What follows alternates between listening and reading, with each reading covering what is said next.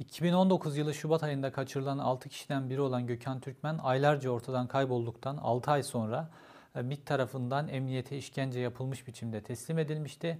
Bugün kendisi ve eşi tekrar bir saldırı altında kaldılar. Bunun sebebi Gökhan Türkmen geçtiğimiz hafta yapılan duruşmada 6 ay boyunca Milli İstihbarat Teşkilatı'na ait bir merkezde gördüğü ağır işkenceleri, fiziksel ve psikolojik işkenceleri anlatmıştı.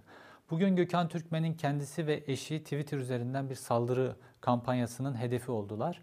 Gökhan Türkmen ile ilgili gelişmelerin duyurulduğu hesap ele geçirildi. Ay Yıldız Tim denen AKP'li hackerlar tarafından ele geçirildi.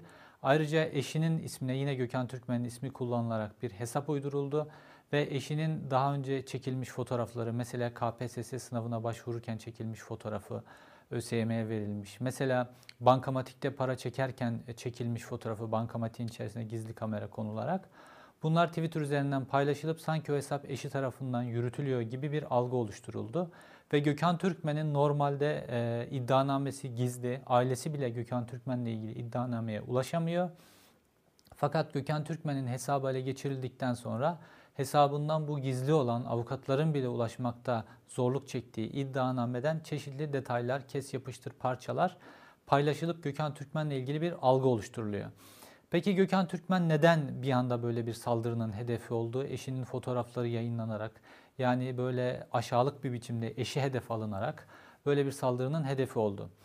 Biliyorsunuz bu kaçırılan 6 kişi aylar sonra işkence edilmiş biçimde bulunduktan sonra Sincan cezaevine konuldular ve tek kişilik hücrelerde sağındaki solundaki hücreler boşaltılmış biçimde izolasyon altında tutuluyorlar ve Milli İstihbarat Teşkilatı görevlileri bu kişilerle görüşüp baskıyı devam ettiriyorlar.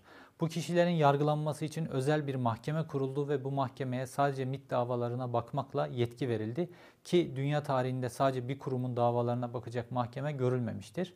Ayrıca bu 6 kişiye avukat tutma hakkı da verilmedi. Devletin kendilerine ayarladığı avukatlarla duruşmaya girmek zorunda kaldılar ve bu avukatlar da Milliyetçi Avukatlar Grubu üyesi olan ülkücü avukatlar ve avukatlar bu kişilere savunma yapmıyorlar ve savunma yapmamalarını, suçlamaları kabul etmelerini, kendilerine işkence altında imza atılan ifadeleri doğrulamalarını dayatıyorlar.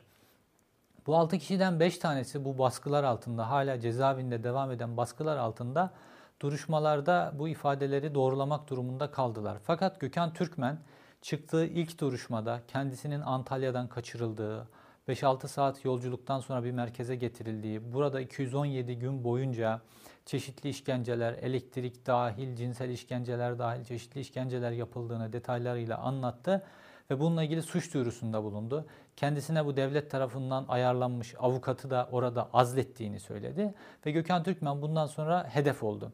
Tabi Gökhan Türkmen'i cezaevinde muhtemelen yine şu an gidip görüşüyorlardır ve baskıyı devam ettiriyorlardır. Fakat Gökhan Türkmen'i yıpratmak için şimdi eşi üzerinden bir operasyon başlattılar. Ya tabii düşman hukukunda bile olmayan bir şey eşlerin hedef alınması, çocukların hedef alınması. Maalesef artık Türkiye'de rejim o kadar korkak bir hale geldi ki ve işlediği suçlar o kadar büyük oldu ki Gökhan Türkmen'e bu işkenceyi aylar boyunca süren bu işkenceyi yapanlar şimdi onu susturabilmek için eşi üzerinden baskı kuruyorlar. Eminim ki Gökhan Türkmen buna da direnecektir. Eminim ki eşi de buna direnecektir. Fakat bu süreçte herkesin Gökhan Türkmen'e ve eşine destek olmaları gerekiyor. Şu an Gökhan Türkmen'in ele geçirilen ve Gökhan Türkmen'in eşi adına işletiyormuş gibi gösterilen hesabın da bir an önce kapatılması için Twitter'a çağrılar yapılması gerekiyor.